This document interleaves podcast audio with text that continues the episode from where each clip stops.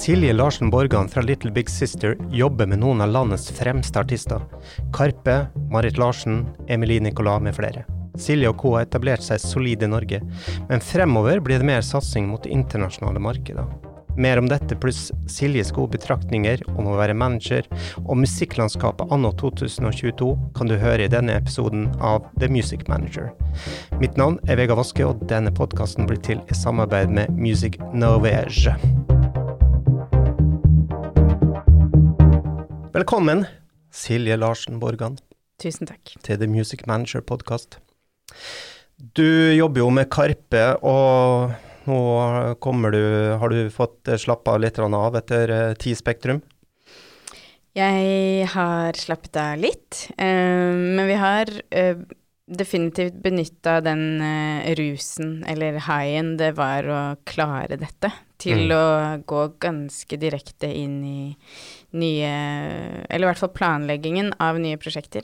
Vi, Mhm. liker jo, vi liker jo å se ganske langt frem, så nå har vi egentlig hatt en del eh, heldagsmøter og workshops for å bare lande de neste kapitlene. Mm. Mm. Ja, for det er jo ikke mm, Altså, eh, Karpe er jo beyond Eliteserien eh, i Norge og sin egen liga. Hvordan i all verden liksom følger man opp en sånn suksess? Ja, det er jo De spørsmålene har vi jo eh, vent oss litt til å få i eh, kjølvannet av de, de tingene vi har gjort de siste årene. Ehm, og alt jeg kan si, er at det skal følges opp. Ja, så bra. Ja. eh, altså, bare et perspektiv. Det er lett å tenke seg at når man er Karpe og er på on top of eh, the Norwegian world, i hvert fall, Mm. så lever man et bekymringsløst liv. Men hvilke typer utfordringer er det liksom eh, artister i den, i den, eh, den ligaen må forholde seg til? Nei, det er jo blant annet eh, det forrige spørsmålet du stilte, da. Eh, For det er jo selvfølgelig en mm, pågående eh, drivkraft og kamp inni oss og dem også. Det der hvordan, hvordan følger vi det opp? Hva gjør vi nå for å kunne fortsette, egentlig, med det vi elsker å gjøre? Um, hvilken sving skal vi ta? Hvilken uventa turn kan man gjøre nå? Eh, med fokus på å levere bare helt unik underholdning, da, som alltid er eh, målet vårt. Mm. Um, og det, det er jo en slags uh, struggle, det. Og i tillegg så er jo Karpe på et nivå uh, som gjør at det er, et, det er et veldig stort team, da. Vi er ganske lean sånn, siden vi har ikke noe svære plateselskap-team eller sånn, men vi Totalt så er vi et ganske stort mannskap som, som er i drift eh, året rundt, da. Mm. Um, så det å på en måte opprettholde eh, bare det økonomiske rundt det, er, eh, er utfordrende, selv om, selv om man er Karpe. Mm. Eh, vi er jo kjent for å putte litt midler inn i eh, sceneshowene våre, og eh, vi investerer ekstremt mye tid og penger i alt det som ender opp som f.eks. ti ganger Spektrum. Mm. Så det er, eh, er masse bekymringer på toppen, også. Mm. Definitivt. Ja, for det er jo det som kanskje ikke så lett for utenforstående å helt se, at uh, sjøl om man selger ut Spektrum, så er det jo uh, en veldig stor jobb som må gjøres i forkant og opp mot det. Liksom, for dok dere som management, liksom, hvor mye av de, deres tid har det tatt det siste året, liksom?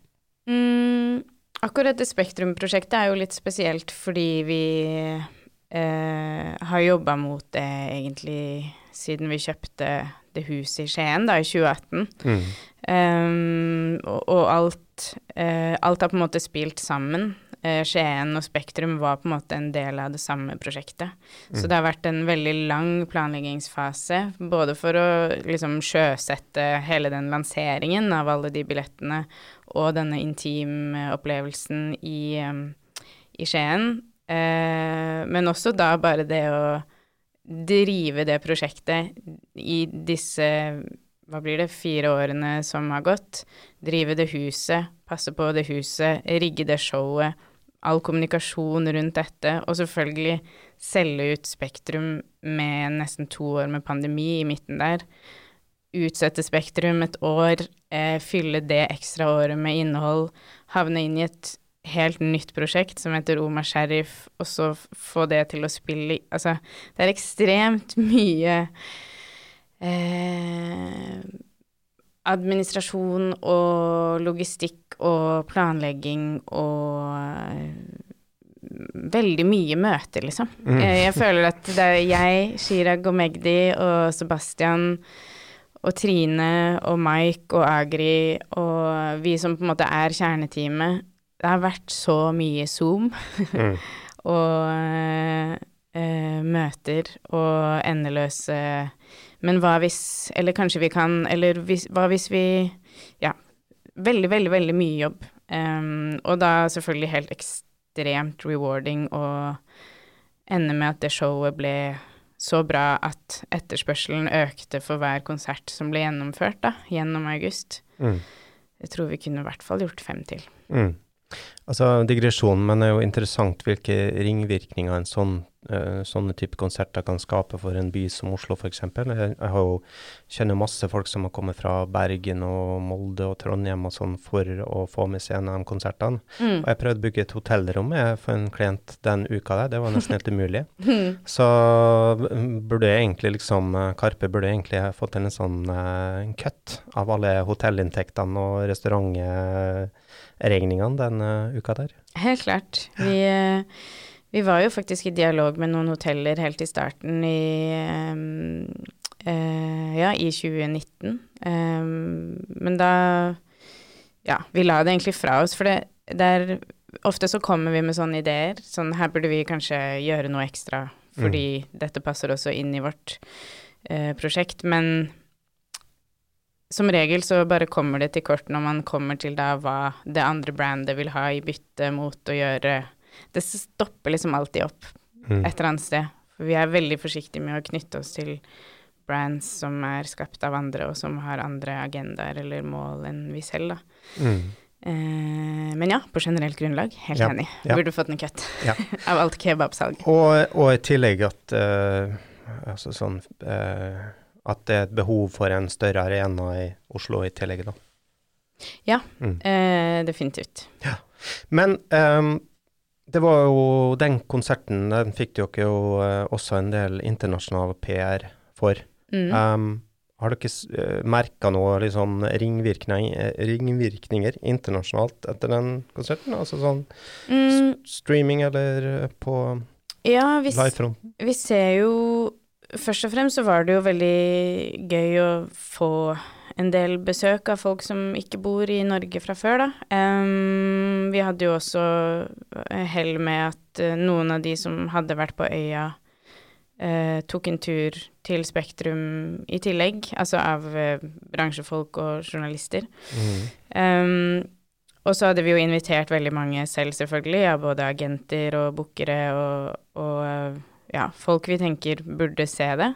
Mm. Um, og det var jo en helt sånn da, da, så vi det litt med nye øyne selv også, når liksom en tysk fyr bare er sånn Hva i huleste er det dere driver med her? Dette er det villeste vi har sett. Hva, hvorfor har ikke vi hørt om Altså, hvorfor har ikke vi hørt om dette før? Mm. Eh, hvor jo det enkle svaret selvfølgelig er at dette er jo norsk musikk, så det er derfor ikke du har fått disse pressemeldingene. Men mm. det å føle at folk er enig i det som vi også har trodd på, at live-uttrykket til Karpe kommuniserer på et språk som ikke er et språk, mm. det er universelt. Um, og spesielt selvfølgelig da med Omar Sharif, som er world music, nesten. Um, på sett og vis. I hvert fall noen av sporene er jo det. Og, det. og det, var så deilig å føle at ikke det bare har vært i vårt hode. At vi er sånn ok, men dette kan translate til en uh, ung uh, En ung fyr i London, eller en uh, ung jente fra Tyskland, eller at man kan liksom At man kan snakke til third culture kids i flere samfunn, da, mm. enn bare det norske. og det har vært veldig deilig å få bekrefta det. Mm. Eh, så vi ser det både i streaming, men også i helt sånn konkret interesse fra andre selskaper som ønsker å knytte seg til Karpe og være med på å ta dem litt utenfor Norge, da. Mm. Så det er mye, mye møtevirksomhet for tiden. Eh, bare sånn uh, for the record, hvordan er setupen til Karpe f.eks.? Altså sånn labelmessig, går det via deres egen label, eller hvordan er det? Eh, Karpe har en egen label som heter Apen og kjeften, Mm. eh, som gir ut uh, ny musikk. Og så ligger jo katalogen til Karpe i Paff, eh, som er et fond som eh, deler ut midler årlig til eh, organisasjoner som hjelper eller jobber med eller for flyktninger. Mm. Så, så det er en Apen og kjeften er en Orchard-label. Akkurat. Mm. Uh, og de har jo spilt for utsolgte hus i Stockholm og Kjøben og London. Mm. Uh, og Warszawa og Praha Ja. og Berlin og ja. og er det um, uh, Så med andre ord så finnes det et grunnlag der og en for å videre satsing internasjonalt, da. Det finnes definitivt nå et grunnlag, i hvert fall live. Mm. Um, vi har veldig moderate forventninger hva gjelder liksom radiospilling og hele den biten, men, men vi skjønner nå at det showet vi skapte nå, Oma Sheriff sammen med Quickstyle, danserne, er eh, eh, noe unikt som snakker til folk litt uansett eh, bakgrunn. Så live, eh, definitivt et grunnlag for å gjøre mer. Det har vi veldig lyst til. Er det noen markeder du spesielt tenker dem eh, vil ha appell i? Vi, altså vi, vi sikter jo hovedsakelig på Europa, da, som føles som det enkleste å på en måte begynne med. Mm. Mm, men det er klart at vi må jo spille i India, for Mm. Mm. En eller annen gang. Har dere fått noe eh, liksom merka noe traction der? Altså India? Ja, det enkle svaret er at vi har noen dialoger. Mm. Akkurat.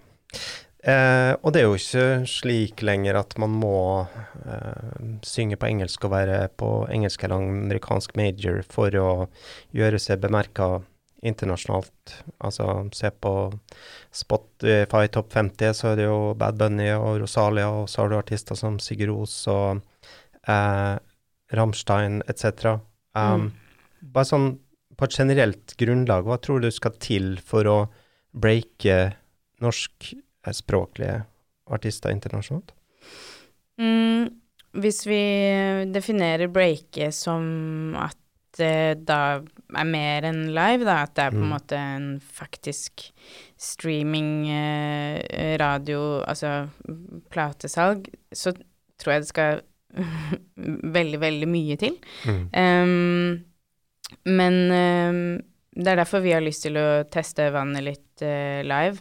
Ehm, og fordi det å bli fan, eller det å på en måte øh, ønske å konsumere en artist i høy grad, det handler jo om en connection på et eller annet nivå. At du blir berørt, og at du, du føler deg hjemme, eller at du identifiserer deg. Og det ehm, Du kan ha så fete PR-kampanjer og pressebilder og gøyale TikTok som du vil, men, men er det ikke liksom en faktisk connection mellom musikken og lytteren, så vil det aldri være, bli solid nok, da.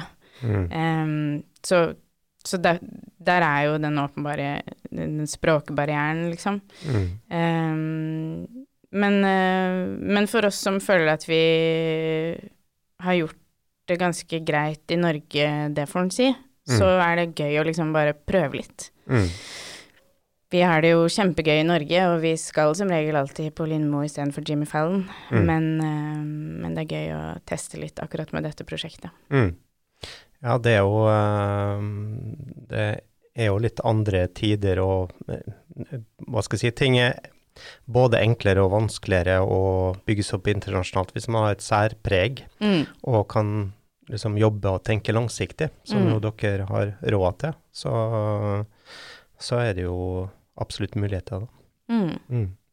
Eh, dere jobber også med Emilie Nicolas. -hmm. Og skjønte at hun er feature på Bjørks kommende album. Mhm. Hvordan kom det til?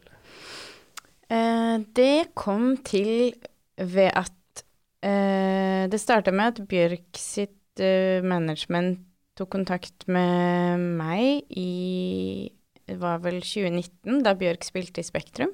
Mm. Eh, apropos. Og da var det egentlig bare en invitasjon til konserten, og det kan jo dukke opp innimellom sånn at artister blir bedt fordi andre artister er klar over deres eksistens. Men det var noe litt spesielt med den henvendelsen her. Det føltes veldig sånn genuint, og Bjørk selv ø, ble på en måte loopa inn i mailen og skrev direkte til oss Mm. at, eh, at hun var ekstremt eh, fan av Emilie, og ville gjerne at hun skulle komme. Så da ble også Emilie invitert bak eh, scenen etter show, og så prata de masse og fant tonen. Um, så det var veldig hyggelig. Og så har de egentlig bare holdt kontakten, og så har de sendt litt Jobba litt over, eh, over internett Mm. under pandemien. Mm. Og det har endt opp da uh, med en låt hvor, uh, hvor de begge synger. Uh, Eivind Helgerød har produsert Emilie sin del sammen med Emilie. Og så har det da endt opp i en låt som heter Allow, som kommer på, kommer på albumet som Mm. nå nærmer seg. Mm. Mm. Og for å stille litt sånn kynisk managerspørsmål, hvordan Mm. utnytter du den muligheten? um, nei, for oss så er det jo god timing fordi Emilie sin nye musikk også er rett rundt hjørnet. Vi hadde faktisk eh, nesten datokrasj.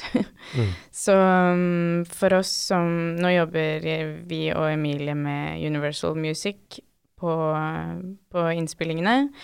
Og der har det jo vært en, en helt åpenbart fokus å prøve å få, få det lenger ut eh, denne gangen, da.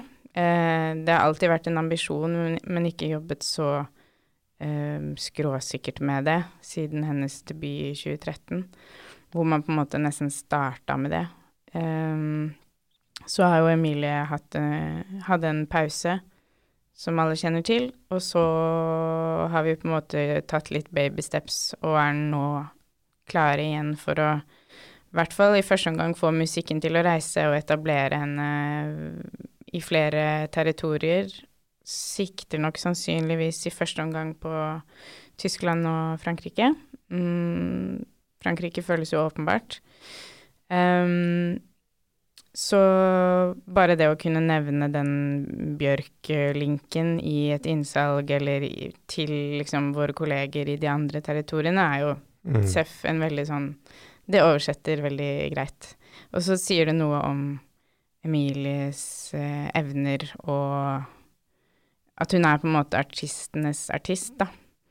Um, så ja, Mm. vi, vi må bare bruke det for alt det er verdt. Mm.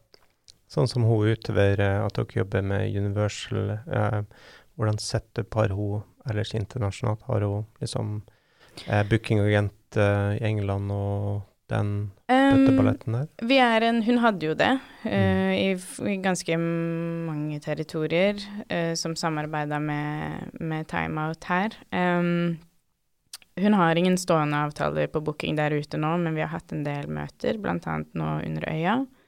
Så det er det en, en prosess på. Men setup uh, på label er Universal uh, globalt. Uh, og så er hun akkurat ute av en lang publishing deal, så der er vi ikke noe akkurat nå. Men eh, går på dates. Mm. Mm.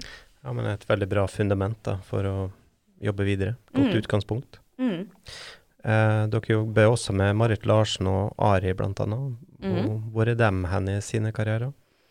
Mm, Marit er jo eh, også aktuell nå, veldig snart. Hun, hun slapp jo en låt eh, før sommeren, som da var på norsk.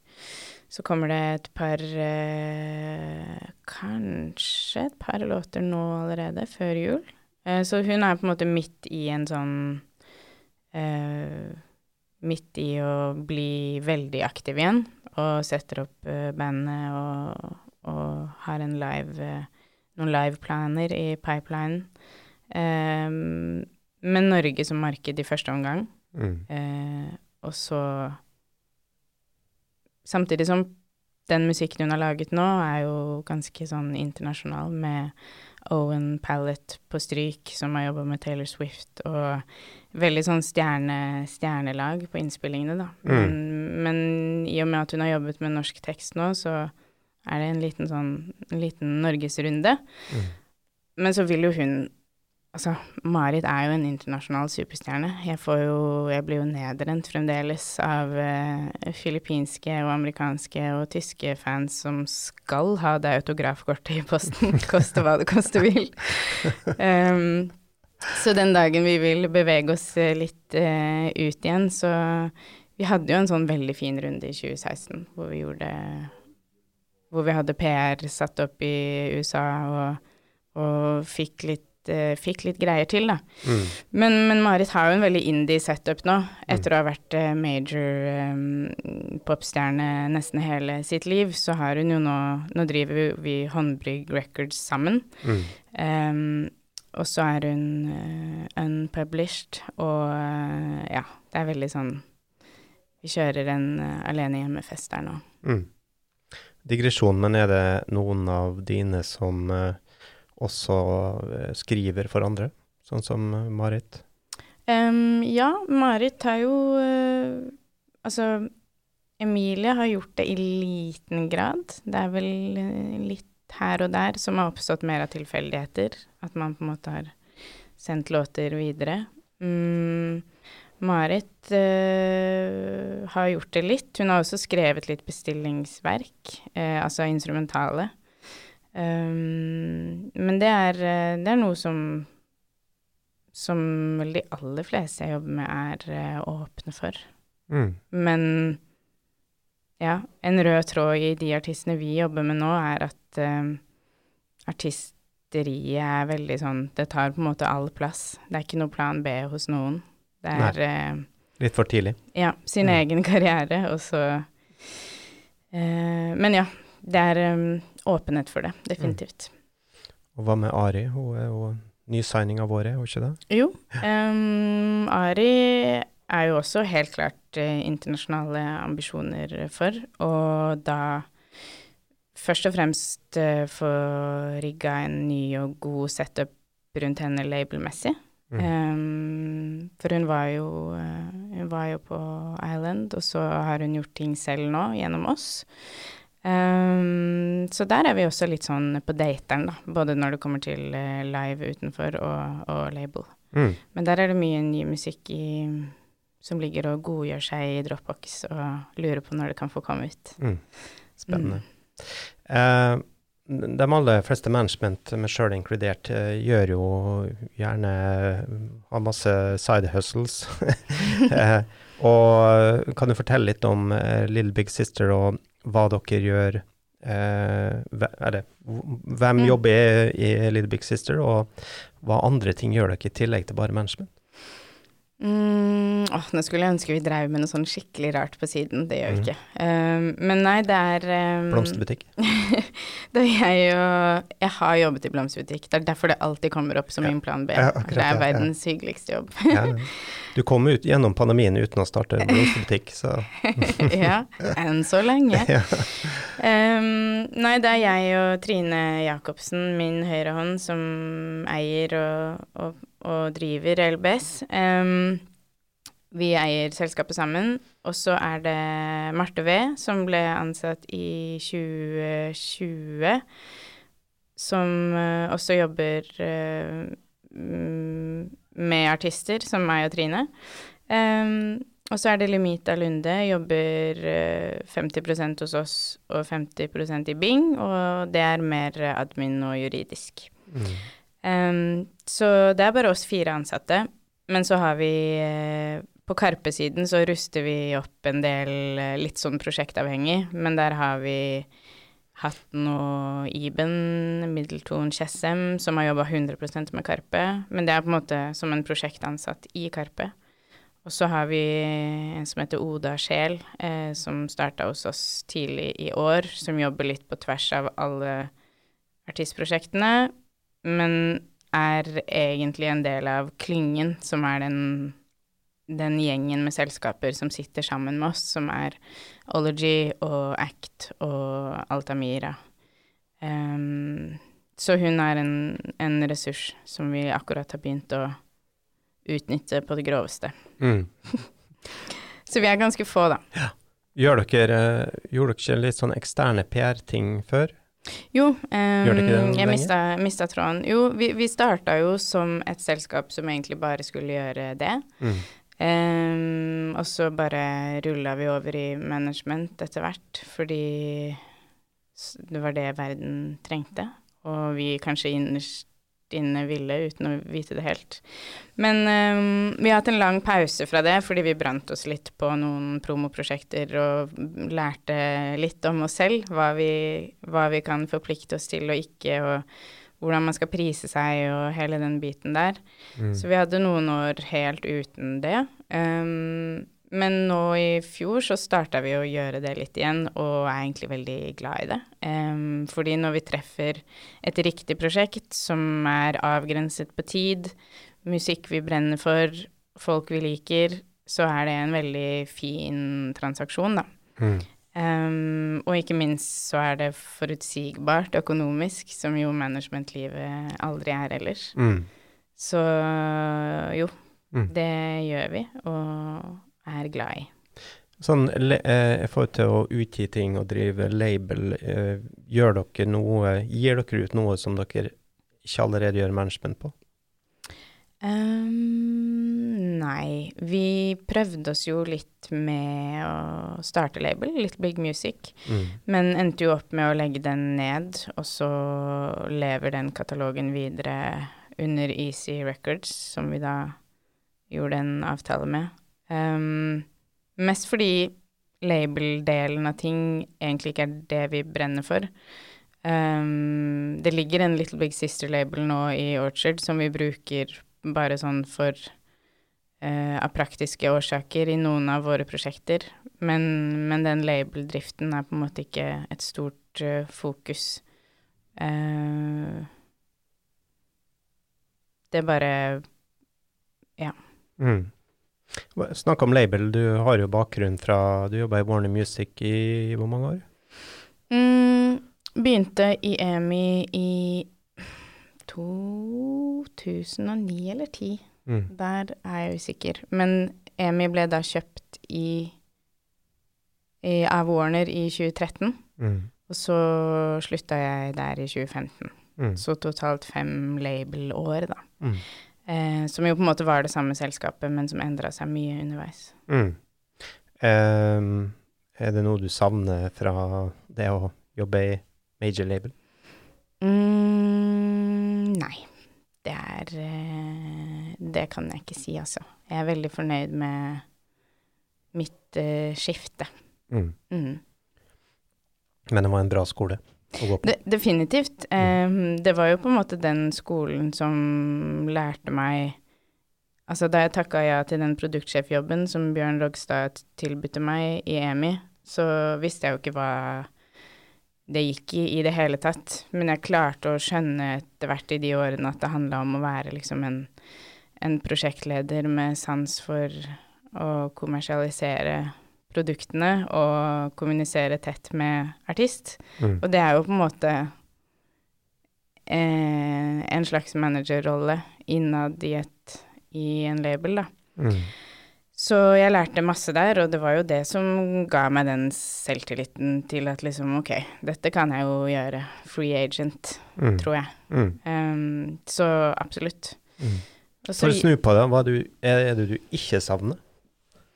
Mm, jeg liker veldig godt å kunne bestemme selv hvor lenge et eh, prosjekt skal ha fokus, og når det skal ha fokus. Og det å faktisk Ofte så er jo dødtiden i gåseøynene i et prosjekt den viktigste fasen. Um, fordi du får tid til å tenke deg ordentlig om, eller gjøre, gjøre, bedre prosesser på ting. Mens i et label hvor ting står litt sånn i kø, så er det må du ofte følge pengene, liksom. Og, mm. og, Market share. Ja, og ting som ikke fungerer, jobber man mindre med, og ting som fungerer At det var hele den derre den litt sånn samlebåndsfølelsen som var litt Som satt litt uh, dårlig hos meg. Og så syns jeg det var Selv om jeg vet jo at ting har endra seg mye der nå, så nå snakker ikke jeg om dagens tilstand i, på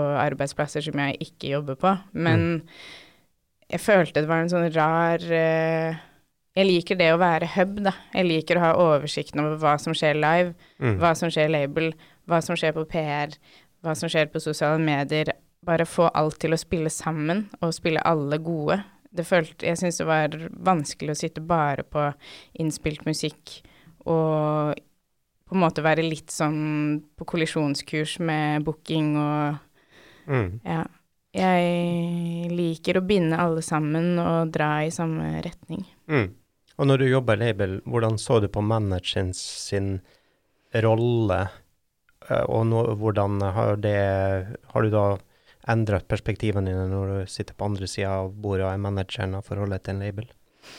Mm, ja, jeg, tenk, jeg, har tenkt litt på det i det siste, at jeg tror ikke det er noen labelansatte i Norge som syns det er gøy å få mail fra Borgan, fordi jeg kanskje Det er actual det, Jeg vet det også, okay. men det har blitt tatt opp. Ja. Eh, fordi jeg kan nok være litt um, Litt for direkte og kanskje litt sånn um, og, og, så er jeg ikke noe god på sånn smilefjes og god stemning-mail alltid. Jeg går veldig sånn durt, durt, durt rett på sak. Mm.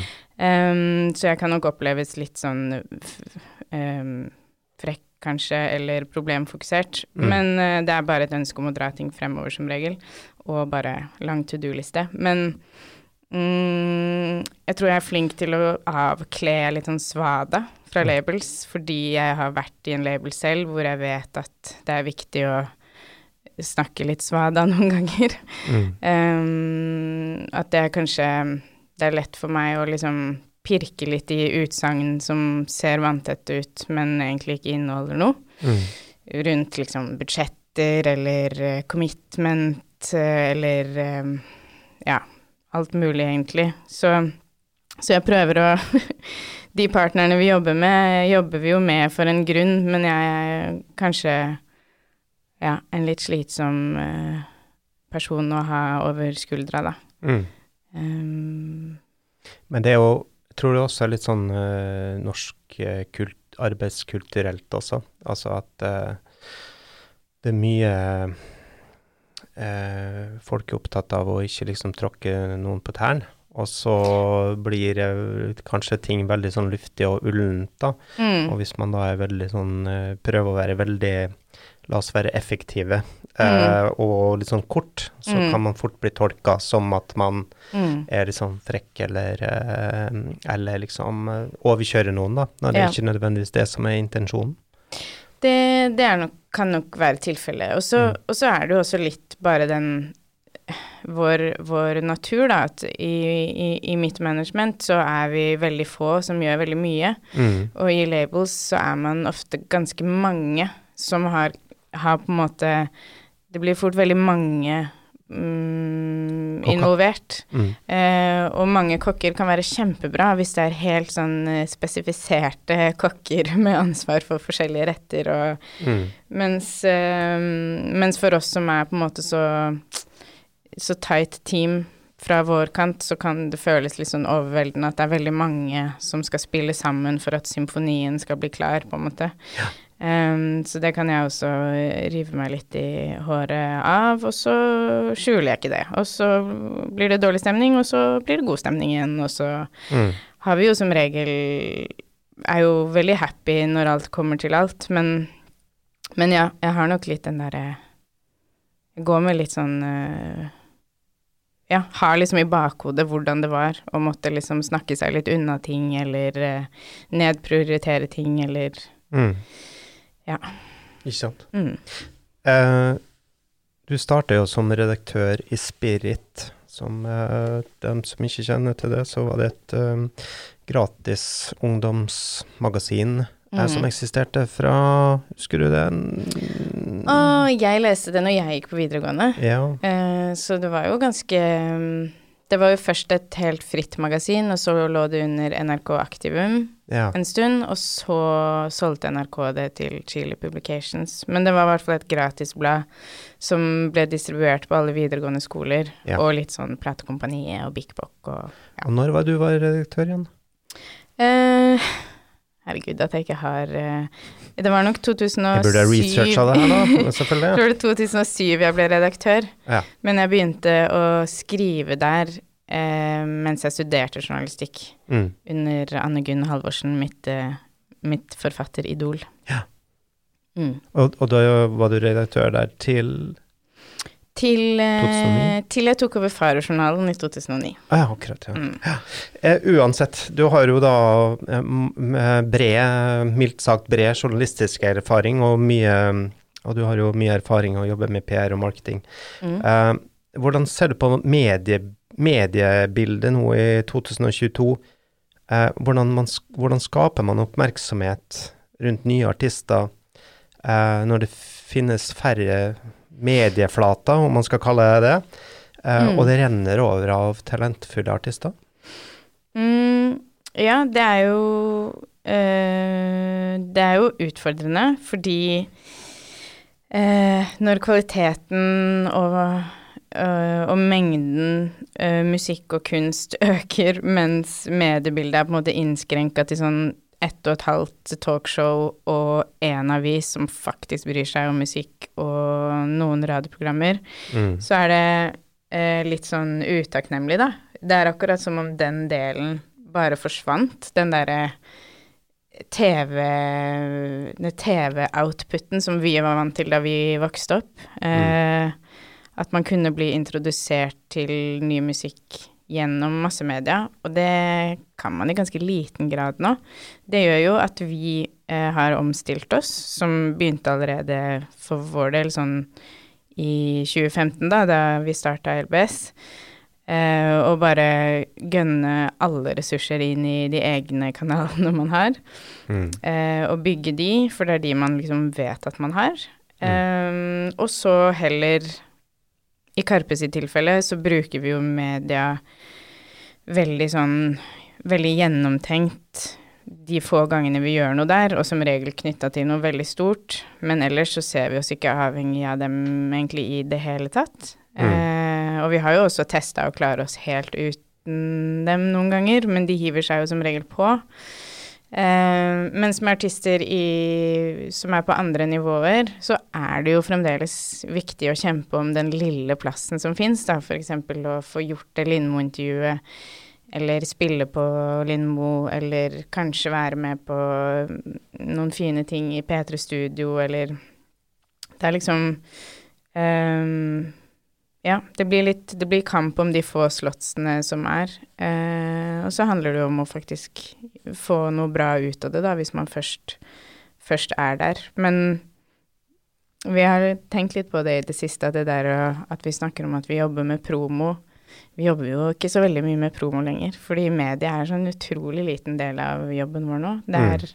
Det handler om hva vi skal gjøre i artistene sine kanaler Mm. hvordan vi skal bruke footage fra den og den konserten på riktig måte. Så er på en måte medieting er jo mer en bonus, da. Mm. Og så handler det også om at liksom journalister har et helt annet fokus nå. Det er sånn de gidder ikke å skrive om ny musikk bare fordi det har kommet ny musikk. Og jeg forstår det, men det er ikke alltid man har en uh, sånn eh, human touch-knagg å henge det på. Eh, det er ikke alle som vil snakke om psykisk helse eller ha besøk i stua, liksom. Det er sånn Mm. Noen ganger må man bare la musikk være musikk. Ja. Men uh, hvilke ferdigheter er viktig i dagens uh, musikkverden hos artister som uh, ønsker å komme seg opp og frem? Um, Utover å være flink til å lage musikk, da? Utover, utover å være supertalentfulle? Ja. Um, nei, det er um, Det er jo stamina, da. Mm. Uh, stamina og det å ha på en måte arbeidsmoral og fokus.